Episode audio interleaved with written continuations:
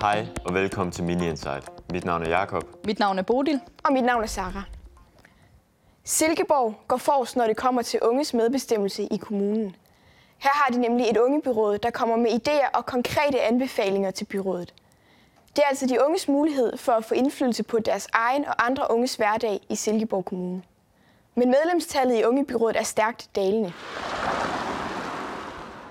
Ungebyrådet i Silkeborg Kommune er i fuld gang med deres arbejde i byrådssalen på Rådhuset i Silkeborg. Velkommen til første møde i år. Jeg er med i Ungebyrådet for ligesom at gøre en forskel, og fordi jeg tror på, at vi selv må være den forskel, vi ligesom gerne vil se i samfundet. Men Ungebyrådet kæmper med at få besat alle stole. Ved begyndelsen i 2015 var alle 31 stole besat. Sidste år kunne 19 stole fyldes ud, og i år sidder der kun 11 medlemmer i Ungebyrådet. Jeg synes, det er lidt en, en ærgerlig udvikling, at øh, vores unge byråds antal det falder. Men øh, det er måske sådan, fordi at vi har haft øh, noget, der hedder nyhedens interesse og en stor engagement i forhold til det, til at lige i øjeblikket, der er interessen måske knap så stor. Jeg tror ikke, at det er ligesom interessen, der mangler. Jeg tror, vi mangler ligesom, at folk ved, hvad det rent faktisk er, vi kan gøre som unge byråd. Kommunen har lavet en regel, som betyder, at selvom der er 31 pladser til rådighed i ungebyrådet, så skal der altid ved hvert valg sorteres mindst 10 kandidater fra, også selvom der ikke er nok opstillet. Vi vil gerne have, at når man øh, stiller op til et øh, unge byråd, og man går på valg, jamen, øh, så skal det ikke være sådan, at alle, som egentlig siger, at jeg vil gerne vælges, også bliver valgt. Vi kan godt lide, at det er et egentlig reelt valg, sådan at det afspejler den virkelighed, der er, eller andre steder omkring, om det er Folketing, byråd eller hvor det er henne. Og på trods af de få medlemmer, så har ungebyrådet alligevel en vis indflydelse. De øh, prikker lidt til os øh, gamle. De kommer med gode idéer til os. Øh, normalt så plejer vi sådan i, i hvert fald en periode at have, at de skal komme med fire øh, anbefalinger til os. Fået gode anbefalinger, og langt de fleste af dem, dem har vi også øh, ført ud i livet. Vi har jo fået nogle ting igennem gennem tiden. Vi har blandt andet øh, Ungekulturhuset, som øh, ikke nok ikke ville være her i dag, hvis øh, der ikke var et øh, ungebyråd for nogle år siden, der fik den igennem. Og så har vi også nogle hjertestarterne ude på skolen. Og nu håber begge parter bare, at flere unge igen vil få øjnene op for, at de faktisk selv kan være med til at gøre en forskel i Silkeborg Kommune. Øh, jeg synes jo, det er ærgerligt, hvis ikke vi har det unge byråd i fremtiden. Vi har været stolte af det. Vi har også sat os lidt på landkortet i Danmark, så, så med i Silkeborg, at vi har en unge byråd, så jeg vil da bare opfordre de unge til, altså tag nu lige det der ansvar, kom nu lige øh, i gang, altså så svært er det heller ikke. Og det er i hvert fald ikke farligt at arbejde sammen med sådan nogen som os. Jeg tror helt sikkert, at vi skal ud og promovere os mere og vise, at vi rent faktisk kan gøre nogle ting, og vi skal helt klart være bedre til at vise os over for politikerne og øhm, vise, at vi rent faktisk kan gøre noget, fordi vi helt sikkert, at vi kan gøre noget, og vi har rimelig stor indflydelse. Vi skal bare bruge den indflydelse. Og ungebyrådet er altså for unge mellem 13 og 19 år. Rådet mødes en gang om måneden, og de demokratisk valgte medlemmer sidder i et år ad gangen. Vi fortsætter i det politiske spor, for nu skal det handle om konflikten mellem USA og Iran. Den seneste tid er konflikten eskaleret til et nyt og højere niveau efter drabet på en iransk topgeneral og et modangreb på USA. Hvordan påvirker konflikten olieprisen og den almindelige danskers hverdag? Til at svare på det havde vi tidligere på ugen Jyske Banks oliestrateg i studiet. Og velkommen til dig, Jan Bylov. Tak.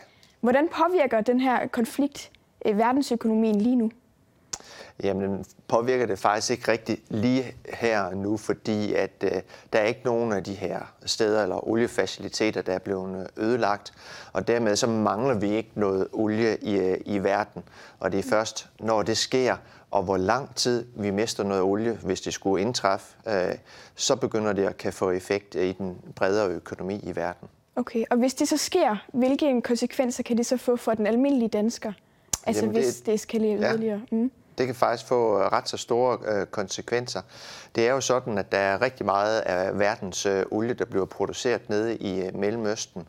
Og når vi står i den situation her, hvor et, et desperat Iran, fordi de er desperate, de har en meget svag økonomi, og de bliver så presset af USA på den politiske front. Og hvis de, skal vi sige, i en desperat handling vælger at angribe oliefaciliteter i, det kunne være Irak, det kunne være Saudi-Arabien, og så er der også det her øh, transportknudepunkt, der hedder Hormuzstrædet øh, dernede, hvor 20 procent af verdens olieforbrug, det bliver transporteret igennem hver dag. Og skulle vi i en længere periode miste det, jamen øh, så vil olieprisen jo, fordi vi mangler olie, så vil den springe betydeligt højere. Og mine beregninger viser, at den kan gå over 100 eller 100 til 200 dollar kan den springe op til. Og så rammer det jo forbruget. Priserne bliver meget dyrere. Vi mærker det, når vi skal ud og, og tanke diesel eller benzin øh, på stationerne. Så der, der kommer vi til at mærke det, hvis det skulle ske. Ja, hvis det sker. Og tror du så, at det i værste tilfælde kan ende med en ny finanskrise? Nej, det, det, det kan det ikke. Finanskrisen var jo, skal vi sige, det udsprang af nogle andre problematikker. Øh, det her, det vil være øh, det, man kan kalde et øh, udbudschok. Det vil sige, så mangler vi olie. Og efter al sandsynlighed, så vil Iran ikke have nogen interesse i, skal vi sige, at gøre det over længere tid.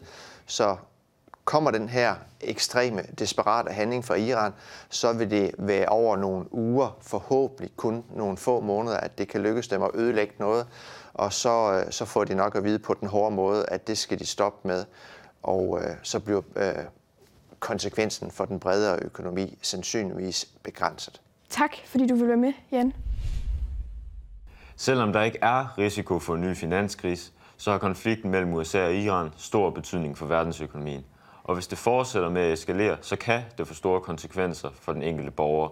I værste tilfælde kan det ende med prisstigninger på varer fra udlandet, der kan forårsage et dyk i danskernes forbrug. Nu skal det handle om et upcoming dødsmetalband fra Silkeborg. Hein består af Anton Brendorf på 13 år, som spiller alle instrumenterne selv og skriver sine egne sange. Han har netop udgivet sin første single, Not, der indtil videre har fået mere end 5500 visninger på YouTube.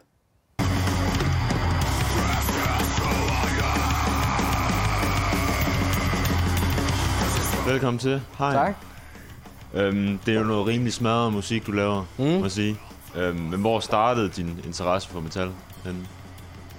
Det er sådan, det startede med rock, og sådan, der startede, og så har det udviklet sig sådan efter. Mm. Og så var jeg på Copenhagen, en uh, metalfestival her ja. sidste år. Og så har det bare udviklet sig endnu mere derfra. Ja. Mm, så er det bare fanget mig. Hvad er det med metal, du synes er så fedt, at du bruger så meget tid på det? Energien i hvert fald, og alle dem, der sådan hører det, og fansene, og alle dem i bandsene, de er så dedikerede, og de vil bare det her. Din sang, Not, hvorfor mm. hedder den det? Det er fordi, at jeg er i en nød. Du er i en nød? Jeg er mig selv. Der er ikke rigtig nogen, der fatter, at jeg hører metal, Og sådan, du er ja. lidt af en ener. Mm.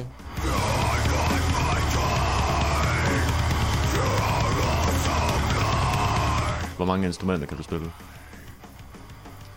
Guitar, bass, trommer og ukulele. Hvordan har du lært at spille dem her? Har du fået undervisning, eller bare noget, du har lært dig selv? Min far han har lært mig det sådan grundlæggende i guitar. Mm. Og så, øh, fordi jeg kunne spille guitar, så jeg også kunne spille bass. Så har det været meget sjovt. Og så med trommer, der har det også været min far, der har lært mig det grundlæggende. Okay. Og så har jeg fået nogle trommelærer sådan efter det. Hvordan øh, med sang? Hvem synger på dine numre? Det gør Niklas Lykke fra Livløs.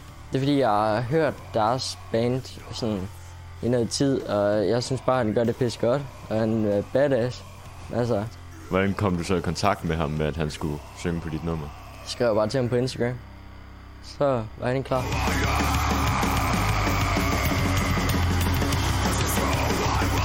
Derhjemme der øver jeg mellem 1 og 5 timer om dagen. Hvordan er det at være helt alene omkring noget, du bruger så meget tid på? Det er fedt nok, for så er det mig, der bestemmer det hele. Mm. Ja, men det, det er svært at sammensætte et nummer, når det er kun er én.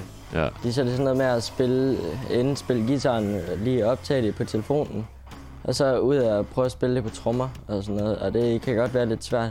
Så det er lidt et sats at tage i studie og lave et nummer.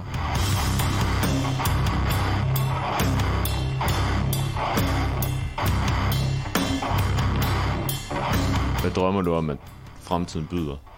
Blive større. Ude på tur og live og alt sådan noget. Den allerfedeste scene, det vil nok være Roskilde, den orange scene, eller Copenhagen. Og hvornår er du så der? Det ved man aldrig. Det ved man Et par år måske. Et par år. Vi vender tilbage.